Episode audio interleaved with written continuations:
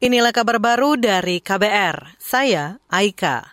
Wakil Presiden Maruf Amin meminta Komisi Pemberantasan Korupsi KPK segera mengusut tuntas dugaan tindak pidana pungutan liar atau pungli di lingkungan rutan KPK. Kasus pungli oleh pegawai KPK di rumah tahanan diperkirakan mencapai 4 miliar rupiah dan ditangani Dewan Pengawas KPK.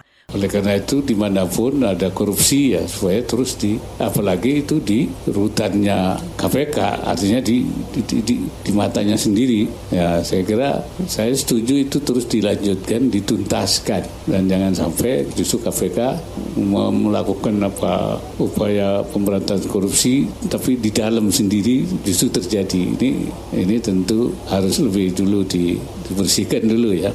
Itu tadi Wakil Presiden Ma'ruf Amin. Sebelumnya, Dewan Pengawas KPK menemukan dugaan pungli di rutan milik lembaga anti rasuah selama periode Desember 2021 hingga Maret 2022. Pimpinan KPK telah membebas tugaskan puluhan pegawai yang terlibat. Kita ke informasi pemilu. Kabar pemilu. Kabar pemilu.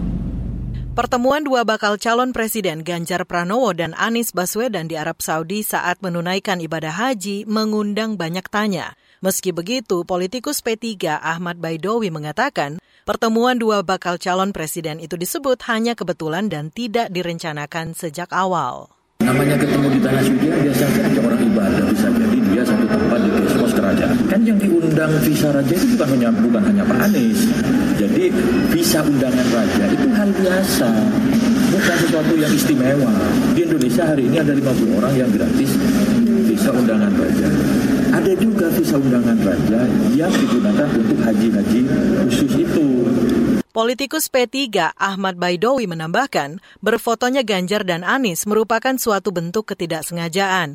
Menurutnya ada banyak orang lain yang ikut berfoto. Sedera P3 sudah mendeklarasikan dukungannya kepada Ganjar Pranowo. Sebelumnya dalam foto yang beredar, nampak Anies Baswedan dan Ganjar Pranowo ditemani istri masing-masing. Selain itu, ada pula bekas Ketua Umum P3 yang juga Menteri Bapenas Suharso Monoarfa. Kita ke mancanegara. Myanmar memusnahkan narkoba senilai lebih dari 446 juta dolar Amerika atau setara 6,6 triliun rupiah yang disita dari seluruh wilayah negara itu. Dilansir dari Antara, Myanmar melakukan operasi narkoba dalam rangka memperingati Hari Internasional menentang penyalahgunaan obat-obatan dan perdagangan obat-obatan ilegal atau Hari Anti Narkotika Internasional. Obat-obatan yang disita disebut dibakar secara seremonial di tiga kota besar di negara Asia Tenggara itu, yakni Yangon, Mandalay, dan Tongji.